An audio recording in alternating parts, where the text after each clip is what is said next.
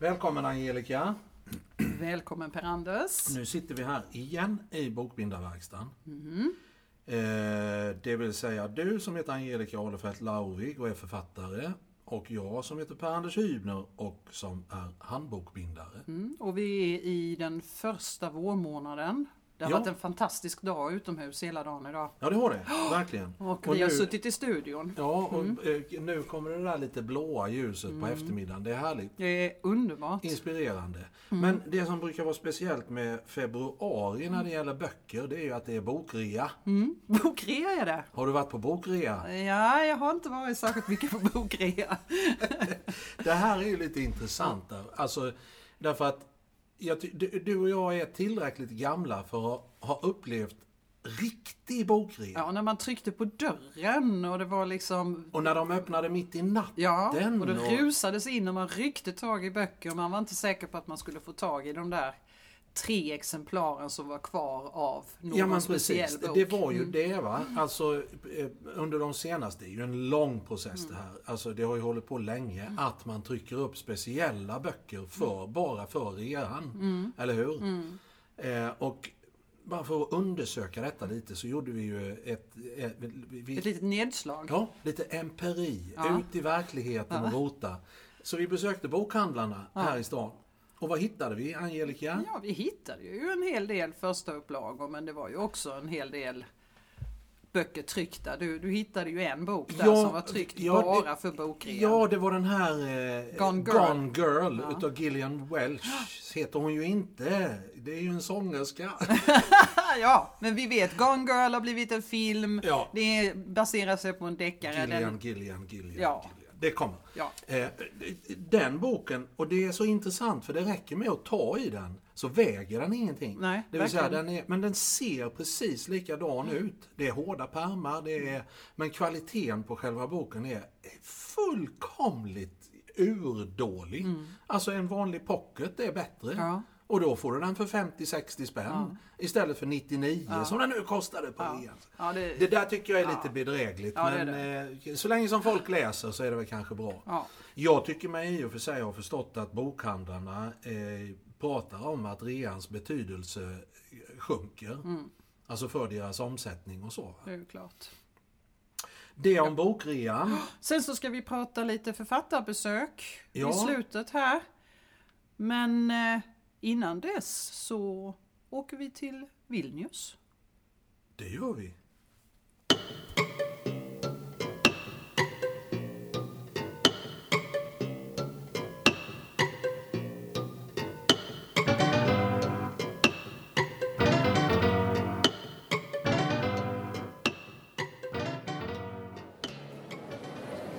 Plötsligt i Vilnius, Angelica. Ja, vad, vad gör vi här? Ja, men vi är ju faktiskt på eh, Vilnius bokmässa. Mm. Ett stort mässområde lite i kanten utav eh, Vilnius. Som Litauen. huvudstad, ja I precis. Litauen, I. Litauen, alldeles nära Vitryssland. Ja, det är inte så långt Nej, dit. det är lite fascinerande Man, tycker jag. man säger ju det att Euro- Europas geografiska centrum ligger i Litauen. Jaså?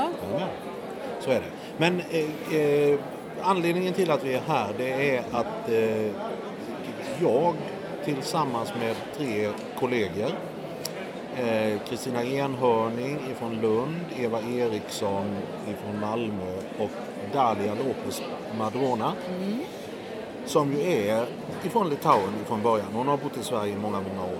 Hon, via Dalia fick vi en inbjudan att eh, delta här för att presentera svenskt handbokbinderi helt enkelt. Ja, här är en jättefin monter här. Ja, verkligen. Ja. Verkligen. Eh, Och som inbjudna så har vi dessutom inte behövt betala för den här platsen så det känns ju riktigt, riktigt lyxigt. Vi vet ju hur dyrt det är på Göteborgs bokmässa. Ja, att, och det eh, lär vara alltså nästan motsvarande priser här på den här mässan. Så att eh, vi är jätteglada för detta.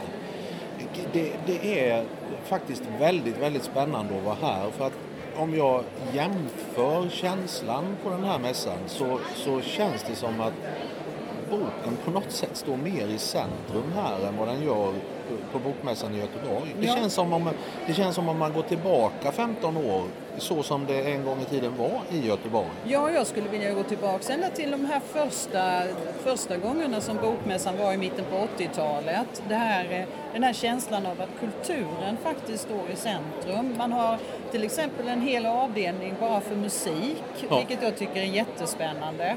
Och en stor, stor yta som är avsatt för barn där de kan springa fritt och de, kan, de har workshops där de får skriva på skrivmaskin och experimentera. Ja, det här är ju det här är andra dagen utav fyra. Torsdag, fredag, lördag, söndag. Eh, och ett, ett mycket, mycket starkt intryck det är ju att eh, vi ser så mycket unga människor här.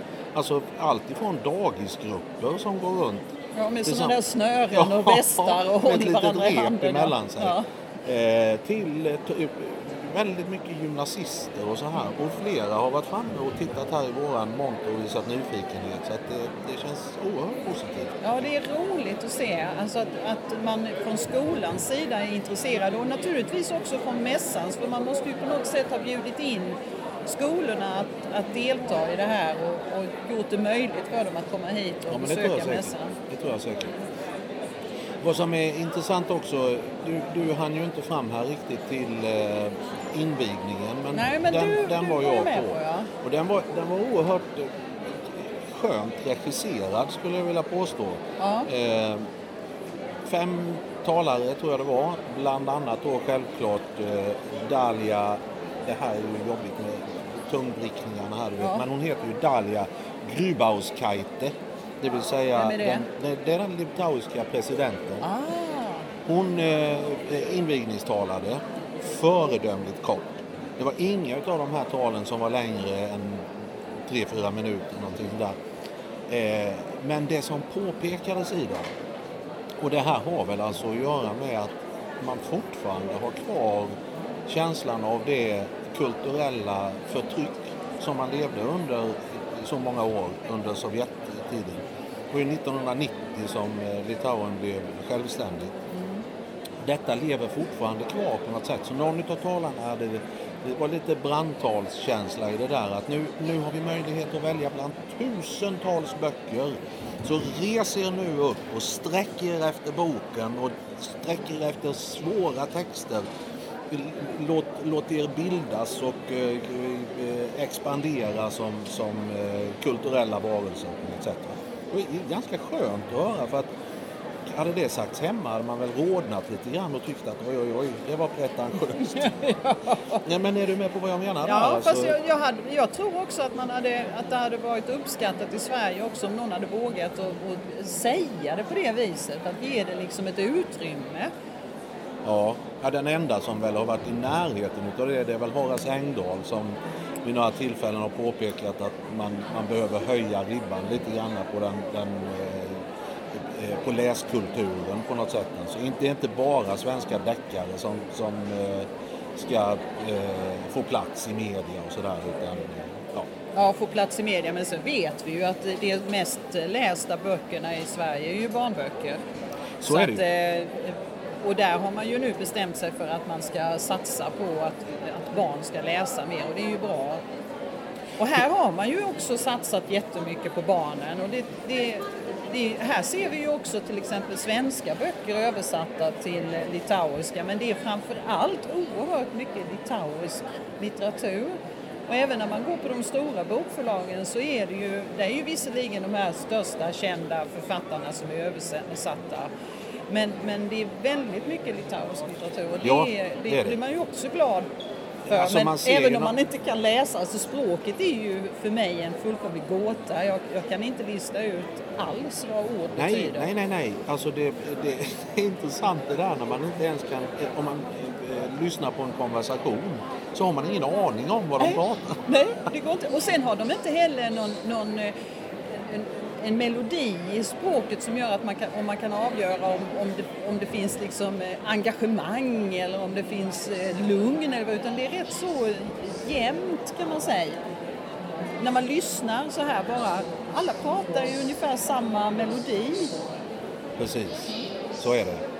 Angelica, vi behöver göra en liten paus för att eh, jag ska iväg till på, på någon typ av representation här Ja, som, Angel, men, som eh, Dalia drar i mig här. Gör du det? Vi återkommer. Vi är ju återkommer. kvar i Vilnius. Härligt.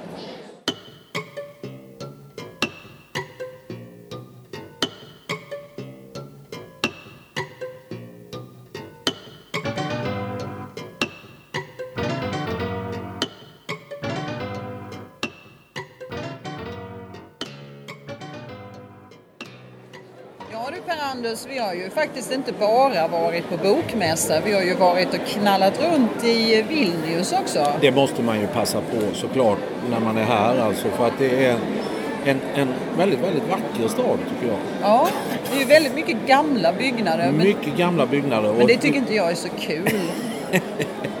och så mycket kyrkor. Det är, Det är så fantastiskt mycket kyrkor. Alltså är det så att man tycker att barocken är ett, ett, eh, en stilperiod som är intressant. Då ska man åka till Vilnius för här är så mycket barock så att man eh, Storknar. ja, storknar nästan faktiskt. Men det är ju också om man tycker att Fluxus är kul så, så ska man ju definitivt åka till Vilnius. Ja, det kan man ju göra för att eh, det, det har ju faktiskt sitt ursprung här. Precis. Vad hette han nu igen som, som eh, startade den här? Jörgis Mashunas. Mashunas. Jörgis Mashunas. Jurgis. Jurgis. Jörgis Ja, Mashunas. det är bra Angelica. Heter han. Ja. Och han flyttade ju till USA och eh, fick ett amerikanskt namn där. Mm, Då blir man ju George, helt plötsligt. Ja, precis. Men du, eh, eh, alltså för de som inte vet, vad, Ja. vad har du att säga om Ja, Fluxus? Fluxus är ju då alltså en rörelse där man eh, ironiserar över konsten och samhället.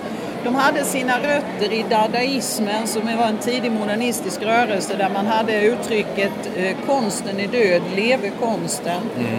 Och de här kallas ju lite grann för neodadaister då. De, de ägnar sig helt enkelt åt eh, konst som inte skulle vara köpbar och inte skulle vara eh, kopplat egentligen till någon speciell person. Det är ju eftervärlden som har gjort det till försäljbara objekt kan man säga. Och det startade 68 tror jag om jag ska dra till med något år sådär. Ja, jag slutet på 60-talet i alla fall. 60-talet ja.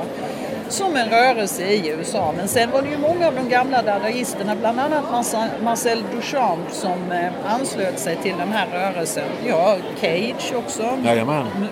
Eh, och Kompositören Ja, precis. John Cage. Mm, och mycket happenings hade man ju inom eh, Fluxusrörelsen och gärna, gärna saker som höll på länge och var lite monotona sådär. En vattendroppe i en spann i timvis och Ja. sådana här saker. Jag sitter och funderar på, alltså det var ju en mycket speciell period där eh, på Moderna Museet Ja. uppe i Stockholm. Ja, vi har ju en väldigt stark svensk Fluxusrörelse med Ja. Bengt af Klintberg i, i spetsen. Han åker ju runt idag och berättar om den svenska Fluxusrörelsen. Ja, precis. Ja, absolut. Med, eh, om inte annat så var det ju eh, eh, eh, det som folk tänker på där, det är väl när eh, eh, vad heter han nu igen? Organisten och kompositören. Det är skamligt att jag inte kommer på det. Men han sågade sig i benet när han sågade i en, i en flygel.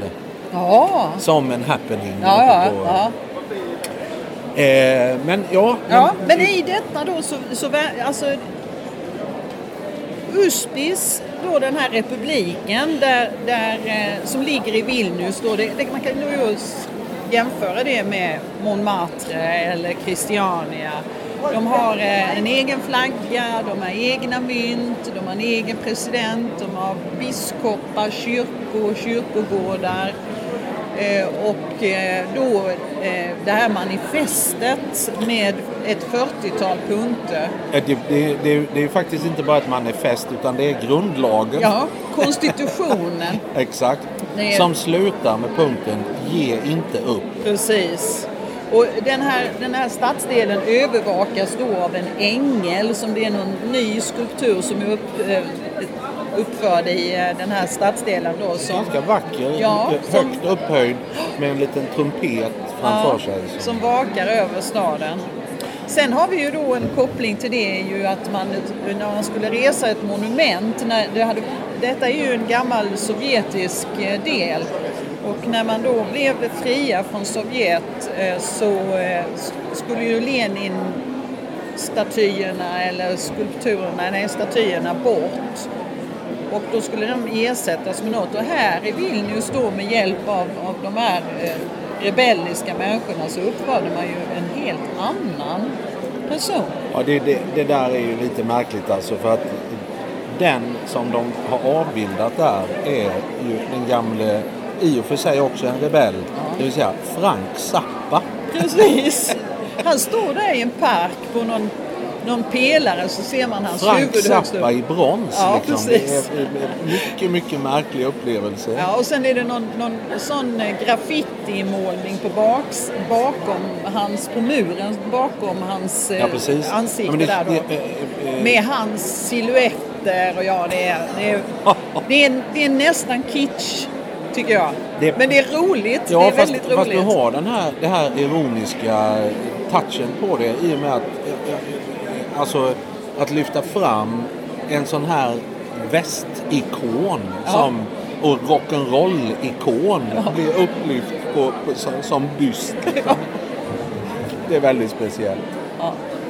Kan väl vara så att det, sånt där händer egentligen bara eh, i den här delen av världen. Här är, det är någon, någon allmän känsla utav alltså att kulturen faktiskt verkligen betyder någonting här för Ja. folk, eller hur? Ja, ja, absolut. Man känner det hela tiden att det finns en, en väldigt stark närvaro av den, den, den kulturen som är just nu. Ja. Alltså det, det är klart att man på något sätt i, i turistsammanhang saluför sina kyrkor och de barocka byggnaderna och så. Men, men om man går ut på stan och man är bland människor så känns det som att det där är inte så viktigt utan det är det som händer just nu. Nu är vi kanske lite förblindade av att vi befinner oss i en kultursituation Jo, men som det här, är är, extrem. det här är ju självklart alltså en, en eh, precis som du säger, en extrem, en, en mässa som bara liksom kretsar kring litteraturen och böcker. Det är ju en kulturhändelse. musik. Och musik i och för sig. Och kultur Det har de- i- Jajamän. Men, men ehm, eh, vi, vi, det är ju liksom mitt i grytan här på något sätt, Ja. eller hur? Så man kanske inte riktigt eh, kan eh, bedöma det objektivt sett om man nu har något behov av det.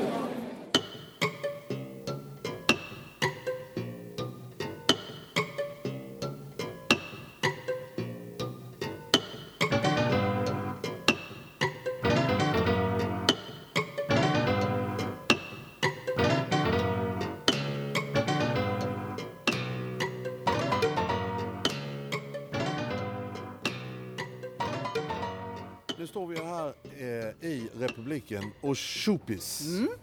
I Vilnius. I Vilnius, en Ja. egen republik. Det är, går det att jämföra med Mosebacke monarki kanske? Ja, kanske. Eller, eller Christiania, fast kanske inte med, med den eh, droggrejen. till. Nej, men en, nej, men en egen stat i staten. Ja, och det här känns lite mer allvarligt därför att nu står vi och läser på eh, en väggtavla här, konstitutionen. Ja, och det finns på svenska, det finns på flera olika språk. Ja, ja, ja. Mm. Här är massa eh, skyltar men eh, eh, vi vill ju gärna dela med oss av detta så jag tänkte vi läser upp några stycken Ja, det gör vi. punkter i republiken Oshupis konstitution. Mm. Ska du börja? 1. Alla har rätt att bo vid Vilnäle och Vilnäle har rätt att flyta förbi alla och en var. Det är alltså floden som flyter genom staden. Exakt. Punkt nummer två. Alla har rätt till varmvatten, uppvärmning vintertid samt tegeltak. 3. Alla har rätt att dö, men det är ingen plikt. Nummer fyra är alla har rätt att missta sig. 5. Alla har rätt att vara den enda. Och nummer sex, alla har rätt att älska. Nummer 7. Alla har rätt att inte vara älskade, men det är inget krav. Nummer åtta, alla har rätt att vara obetydliga och okända. Det, det är ju en rättighet att vara okänd, eller hur? Ja, det tycker jag. Ja. Absolut. 9. Alla har rätt att lata sig eller att göra ingenting alls. 10. Alla har rätt att älska och ta hand om en katt. 11. Alla har rätt att bry sig om sin hund tills en av dem dör. Nummer 12 är all, en hund har rätt att vara hund. Nummer 13. En katt behöver inte älska sin ägare men måste hjälpa denne i nödens minut. Ja, och så håller det på så här, det, Ja. eller hur? Ja, det är många fantastiska Ja, punkter. och man blir nästan lite lycklig utav att läsa dem tycker jag. Ja. Och ska vi bara eh, rassla ner längst ner De i konstitutionen, de tre punkterna. Mm. sista. Ja. Jag börjar med, med nummer 39. Besegra inte. Slå inte tillbaka. Och den sista är Ge inte upp. Där har vi det. Det är ju- sanslöst.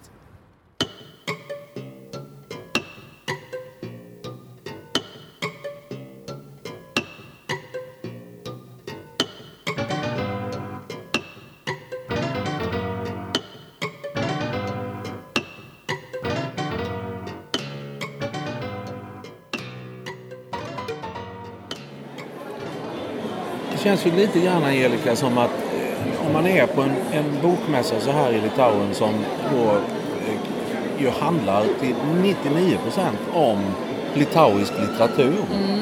Eh, för så uppfattar jag det. Ja. Alltså, så, eh, ju varit- Fokus ligger ju på det definitivt. Ja, precis. Och en av de uppenbara gigantiska stjärnorna i den här genren är eh, Harkus Kunchus. Ja. Eh, litauisk författare, någonstans i medelåldern skulle jag gissa. Född 65. 65. Eh, vi har båda läst, du och jag, en, en eh, essäbok Ja. som heter De försvunna texterna. ja. Och det där var ju, alltså, för mig var det en mycket speciell läsupplevelse. Ja, lite udda faktiskt alltså, lite absurd. Ja, men vi är ju tillbaks igen därför att han är ju en del av den här rörelsen som har startat eh, Ushi, Ushpis-republiken. Tänk att jag alltid snubblar på detta ord. Han, han tillhör ju den här eh, falangen av, av eh, eh, nydadaister, eh, arg, ung eh, konstnär. Alltså han jobbar ju med teater men han jobbar ju också då som författare. Ja, han- alltså i det efterordet till Tar den här... ut svängarna här, på ett härligt sätt. han gör ju Ja. det. Eh, eh, I efterordet som är skrivet av Leonidas Donskis som är, eh, om jag har fattat det hela rätt, både filosof, författare och poet. Ja. Eh, så eh, eh, beskriver han honom på det här sättet. Harkus Kulchus är den samtida litteraturens litauiska litteraturens enfant terrible. Ja, alltså precis. en, en sån bus, buse helt Ja. enkelt. Ja, och han, han, det, sägs ju ofta att hans, eh, han skriver väldigt, nu är inte det så mycket i denna boken, men erotiska texter som är väldigt provocerande. Ehm, där han i någon eh, berättelse detaljerat går in på hur han, han eh, älskar med en fisk i ett badkar och, och Ja, men där har du det, det, det här absurda Ja. som, som vi pratar om nu. Va? Men det är Alltså, lite magisk realism på något sätt va? Är Kan det man inte säga. det? Jag Det tycker jag, säga. får, jag får ju sådana här vibbar till vitlöksballaderna av Moyen och jag, jag tänker också eh, Bulgakov med, med Mästaren och Margarita. Ja. Alltså det finns, eh, det är mustigt och det är liksom lite äckligt och det är argt och jag är våldsamt förtjust i den typen Ja, det är av härligt. texter. Det är riktigt, riktigt härligt är det. Eh, bara för att ta några exempel på titlarna på Mm. de här korta essäerna. En, en liten tunn bok är det ju. Ja, det är det. Jag älskar ju tunna Ja. böcker. Ja. Den sörjande polonäs. Ja. Eh, förråda, förneka, förtala. Uppfostrans grunder. ja, den är ju... Den är lite den, speciell. Den det är väldigt speciell. Den, det, det, känns, det, det är i, punktform och eh, det känns som att det bakomliggande strukturen här är hur man, hur man ska hantera eh, dressyren av ett djur. I detta Ja, en fallet hund, hund eller en sånt där, häst va? kan det ju vara också. För Ja. det är lite sådana... Och det här handlar ju då om alltså hur eh, en västerlänning ska, ska dressera en, en från eh, forna Sovjetstaterna. Ja, precis. Ja. Låt oss ta punkt nummer sex här. Ja. Då ni dresserar det postsovjetiska samhällets, ide- samhället ideologiskt ger då noga akt på olika nationella egenskaper, komplex och ambitioner. De kan komma till nytta. Ja. Det, det, och det är skarpt Det är, Det är väldigt skarpt. Skarpt. Och, och det, här är ju genomgående i hans litteratur, denna oerhörda kritik dels mot västvärlden men också emot Litauens människor som så längtar efter det västerländska livet. Alltså att han, han han kritiserar ju båda sidorna Ja, och man undrar ju, och det ger han ju inte riktigt svar på i böckerna, hur, hur ska man komma åt det här? Det är ju inte hans uppgift naturligtvis, men man, man tänker ju ändå att han kanske har någon tanke om detta och det hade man ju velat träffa honom och fråga. Ja. Nu blir det väl inte så i och med att, som vi konstaterade i det här segmentet, att det var packat med folk på hans eh, föreläsning eller vad man ska kalla det som han hade. här. Så att eh, det vi kunde göra var att liksom prata lite om Herkus Kunschus. Ja. Som, vi, som jag definitivt rekommenderar för de läsugna. Leta reda, han finns. Man hittar honom på Adlibris eller någon annan av de här. Bokus Ja. går jättebra också, kanske till och med Bokbörsen, man vet inte. Så kan det vara.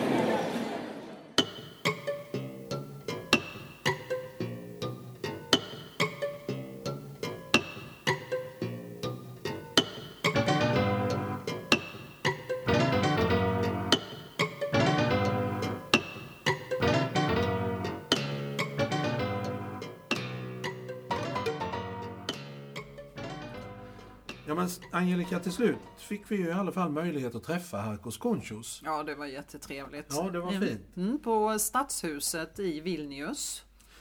Det här var väl på lördagskvällen tror jag? va? Ja, det var på lördagskvällen. Det var en Som- mottagning där för alla som deltog i bokmässan. Ja, och där fanns då Herkos Konchos med. Eh, och då tog vi ju självklart chansen med hjälp av Dalia Lopez Madrona som hjälpte oss med, med tolkning. För att vi ville ju prata med honom om hans författarskap och i synnerhet den här boken De försvunna texterna som vi båda har läst. Ja, och det är ju den enda boken som är översatt till svenska. Än så länge. Ja, än så länge. Än så länge.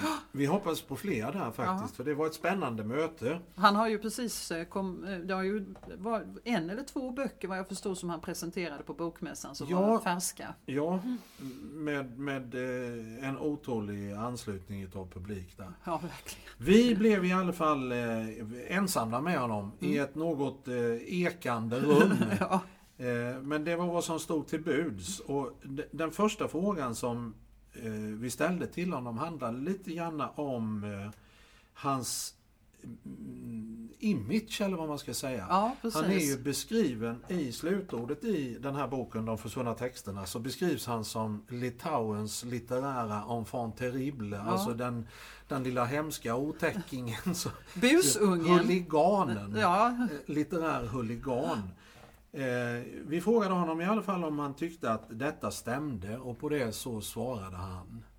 O pasireikšti tai gali tai, kad e, pasenęs vaikas labai atsakingai žiūri šiuo metu į ne tik literatūrą, bet ir Lietuvos istoriją.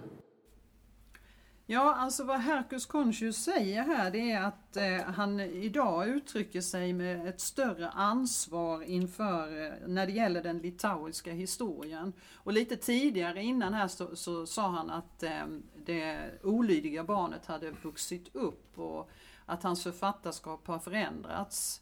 Eh, eh, de här texterna som han skrev är ju tio år gamla idag så att man förstår ju, och det pratar, han pratar ju mycket om det, att han har förändrats i sitt författarskap. Ja, han, han beskriver det ju faktiskt som att världen var mer lekfull för tio år sedan. Nu vilar liksom ett större ansvar på hans axlar. Eh, ja, det var väl egentligen så som han uttryckte det. Och det där kan man ju tolka på lite olika sätt, eller hur?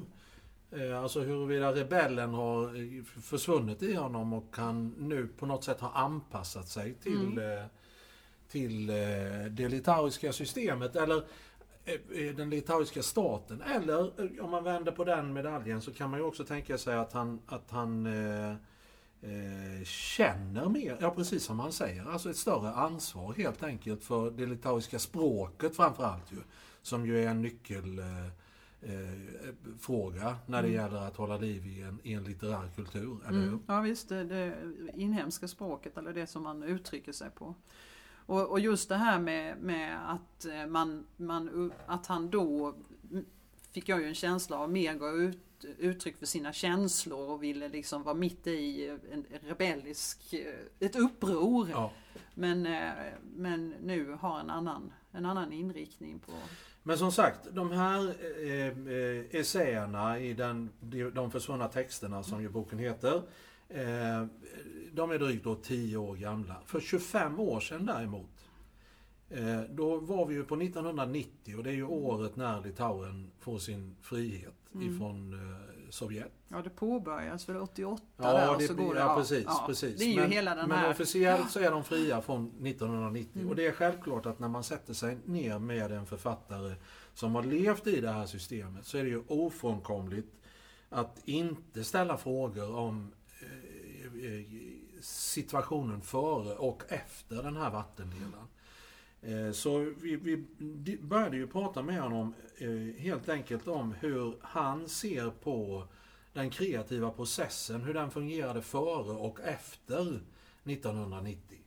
Absoliučiai, nors iki to laiko nerašiau, pavadinkim taip, nes tuo metu tenai man buvo tenai aš sovietų kariuomeniai buvau. Han pratar ju alltså om den absoluta förändringen, den totala förändringen där eh, han, han, man ju helt plötsligt hade möjlighet att tänka och uttrycka sig fritt. Mm, och det är ju intressant det här med att han säger att just det här att tänka fritt därför att någonstans så, så är det ju så att tankarna är ju ingenting som kommer ut utan det är ju någonting man kan ägna sig åt i, i huvudet utan Ja. att någon får reda på det. Men eh, det förstår man ju att så är det ju inte för i samma ögonblick du tänker en förbjuden tanke så måste den ju liksom få fortsätta. Så att det bästa sättet att skydda sig själv är ju att Och undvika den typen utav tänkande helt enkelt. Precis. Jo, men jag tror att det, alltså, i ett, det, det här är ju någonting som vi egentligen bara kan spekulera över Angelica. För vi har, varken du eller jag har varit utsatta för den typen utav eh, förtryck helt Nej. enkelt. Eh, så det, det, det är, det är en, en lite svår balansgång det här när man, när man eh, möter en människa som i, i halva sitt liv har varit utsatt för det, eller hur? Ja, visst. Och som har genomgått den förändringen att gå från, och det pratar han ju mycket om det här, från det totalitära till demokratin. Ja, precis. Och att det har varit en, en eh, förändringsprocess rent medvetandemässigt. Mm.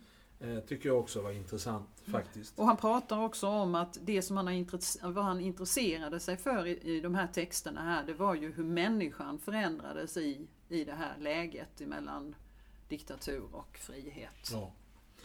Han har ju en eh, intressant text i den här boken som, eh, jag bläddrar lite här får vi se om jag hittar fram till den. Den heter Uppfostrans grunder, en rekommendation. Ska vi säga någonting om den tycker du? Ja, alltså de här punkterna är ju eh, intressanta därför att eh, de, de, eh, de radar ju upp helt och hållet hur man ska behandla eh, människor i, eh, en, som, i, en, i en diktatur, va? var det inte så? Jo, Ja, så, så kan man tolka Ja. det.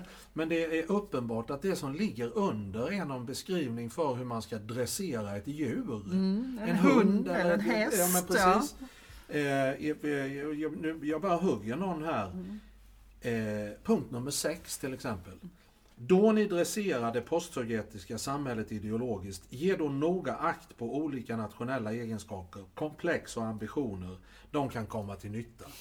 Eh, jag, jag vet ju nu att vi pratade om den här för en stund sedan i, i tidigare segment, men eh, den, den är värd att, att eh, poängtera, den där texten. Den säger han ju i alla fall att den eh, skulle han inte skriva idag. Eh, eller uttrycka sig på samma sätt. Han kommer in på eh, eh, sin situation idag där han ju faktiskt arbetar som lärare. Eh, och han eh, säger där eh, att när han tar upp den här typen av texter med sina elever så förstår de inte vad, vad det är han pratar om egentligen. Nej, de förstår inte. Nej, därför att de har ju bara levt i, i demokrati. Det är ju då nästa generation va? som, som eh, precis som du säger, har levt under fria förhållanden hela sitt liv. Ja, och apropå det här med, med friande, fria förhållanden så, så kom vi också in på att prata om det här med, med, med väst och västs inflytande på, på Litauen nu och då, då är han väldigt, väldigt tydlig när han säger att eh, eh västvärldens värderingar är bra.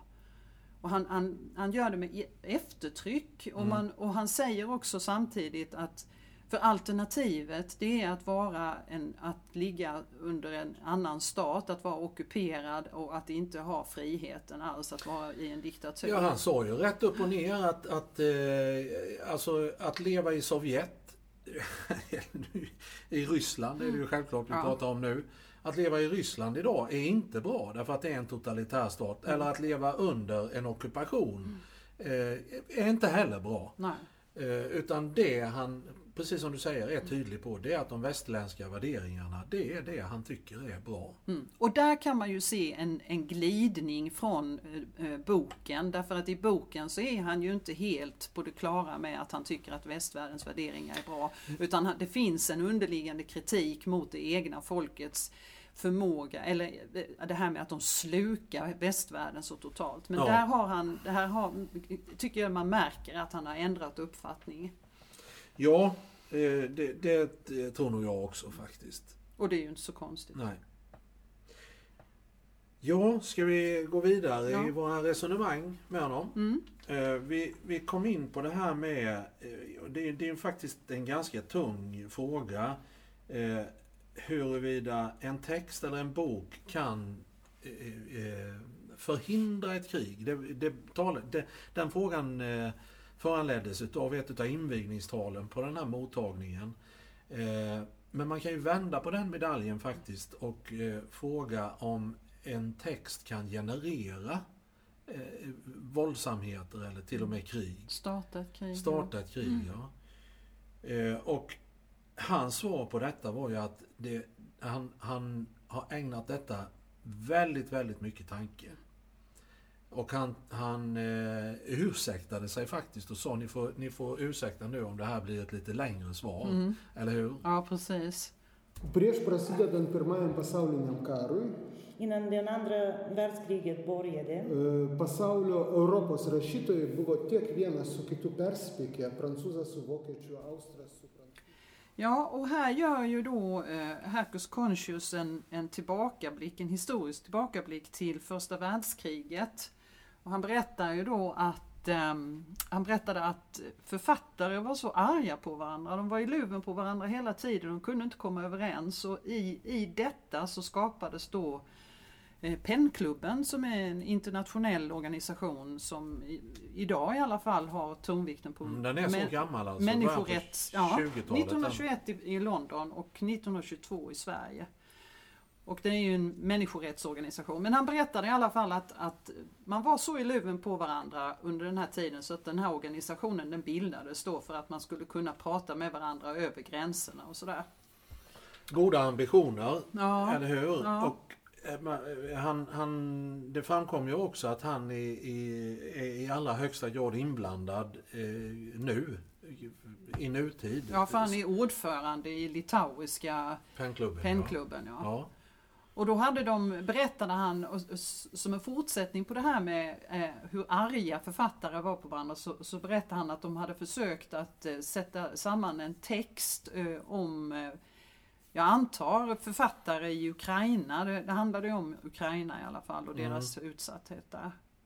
Ja fast jag tror alltså att eh, när, det här är ju en spekulation i och för sig, men när pennklubben arbetar så gör man det på internationell ja, nivå. Absolut. Alltså det är öppet för alla som har, som har synpunkter och som vill vara med.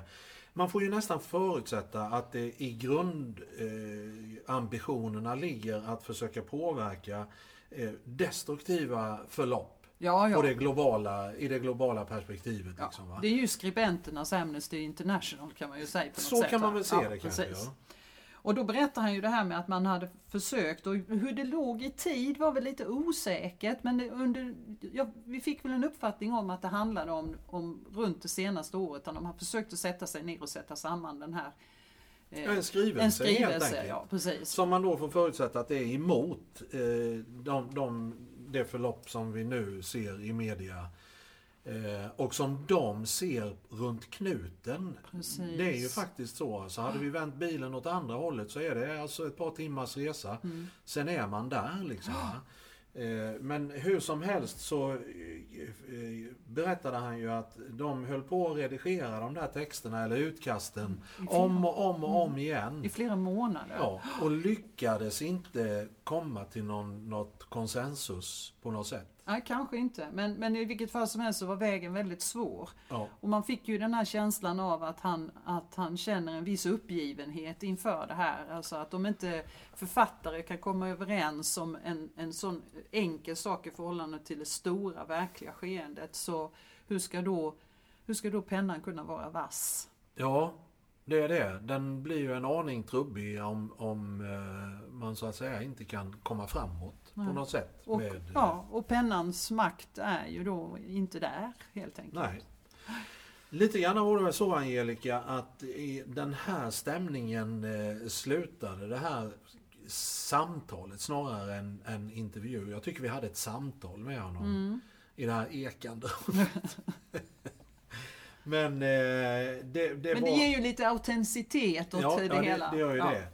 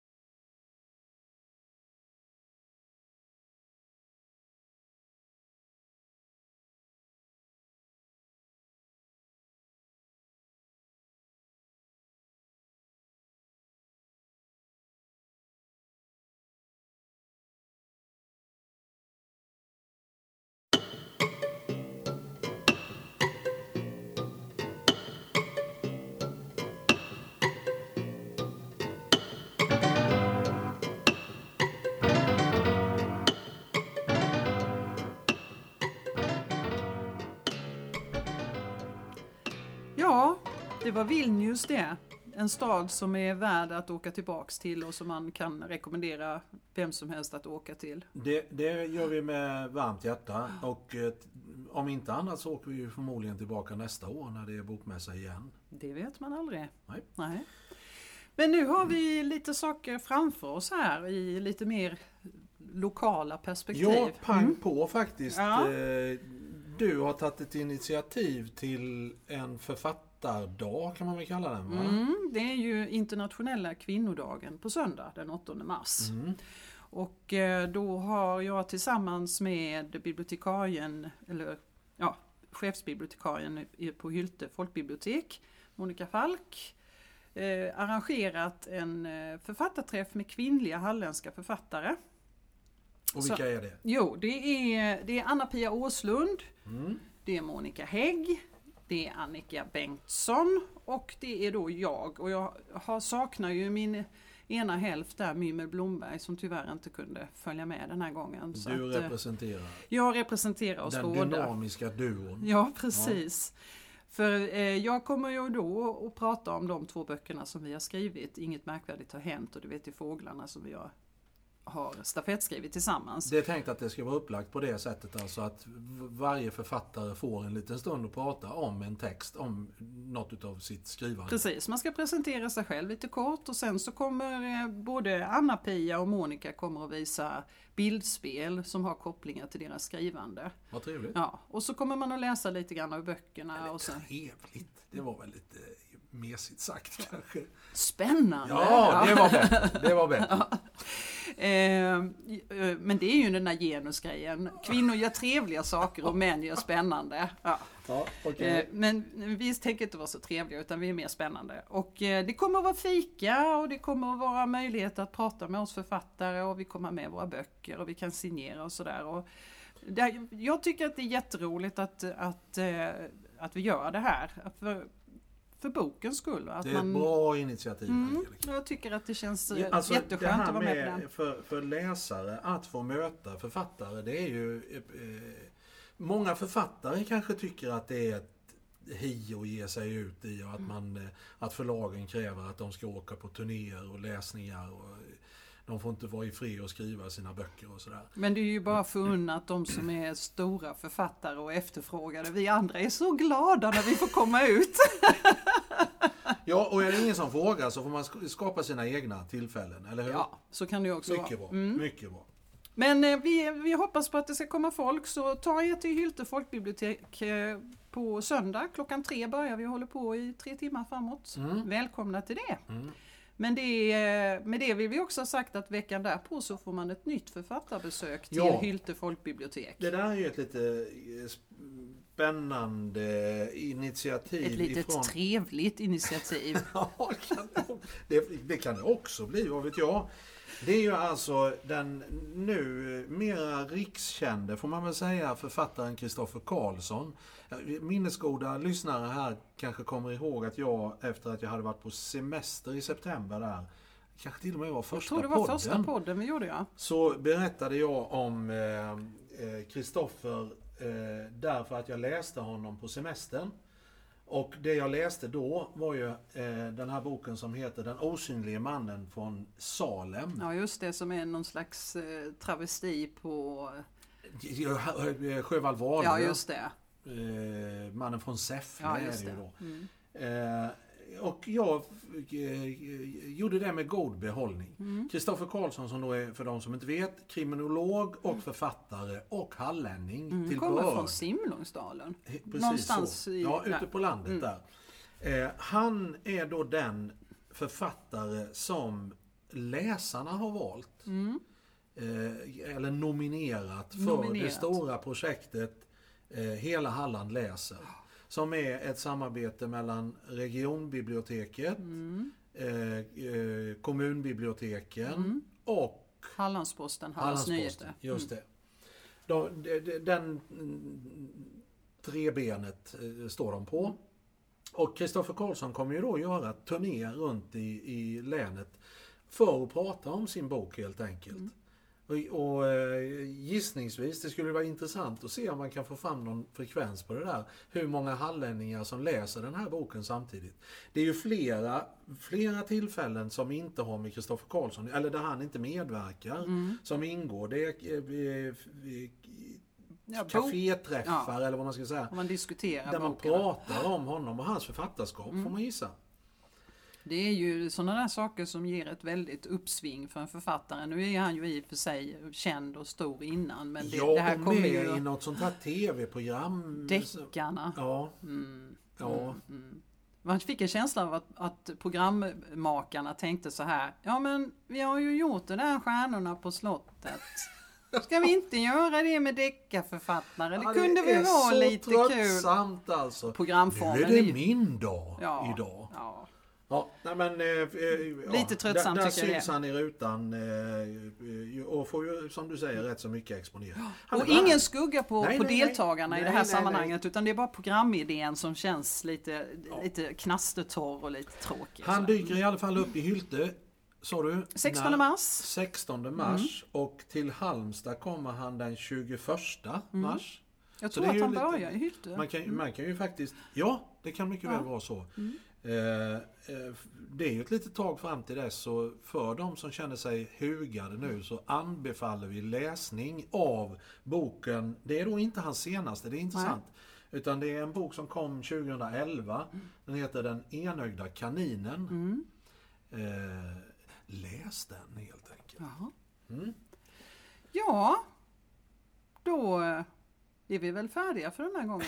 Eller i har vi någonting mer? jag. Nej men al- alltså det blir ju det, det blir ett lite spretigt, eh, en lite spretig podd den här gången med massa konstiga inspelningssituationer och översättningssituation och eh, det ena med det andra. Men vi har haft ganska trevligt, eller hur Angelica? Ja, svårt med uttalen av namnen måste jag säga. Kan, du, kan du prova igen det här? Usupish. Osupish. Ja, så heter det säkert inte. Osupis. Ja. Ja. Vi, har, vi har haft... Stadsdelen där vi hade så kul och läste eh, grundlagen. Precis, Eh, Herkus Kunchus i alla fall det kan vi. är författaren som vi eh, Varmt har, rekommenderar. Mm. Ja, varmt rekommenderar och själva har, har kvar goda minnen utav. Ja. Ska vi tacka för idag helt Ja, enkelt? och vi vill påminna lyssnarna om att eh, det är bra att ni hör av er och tycker och tänker och har synpunkter och ni hittar oss på Facebook och på vår hemsida bokväsen.nu. Mm.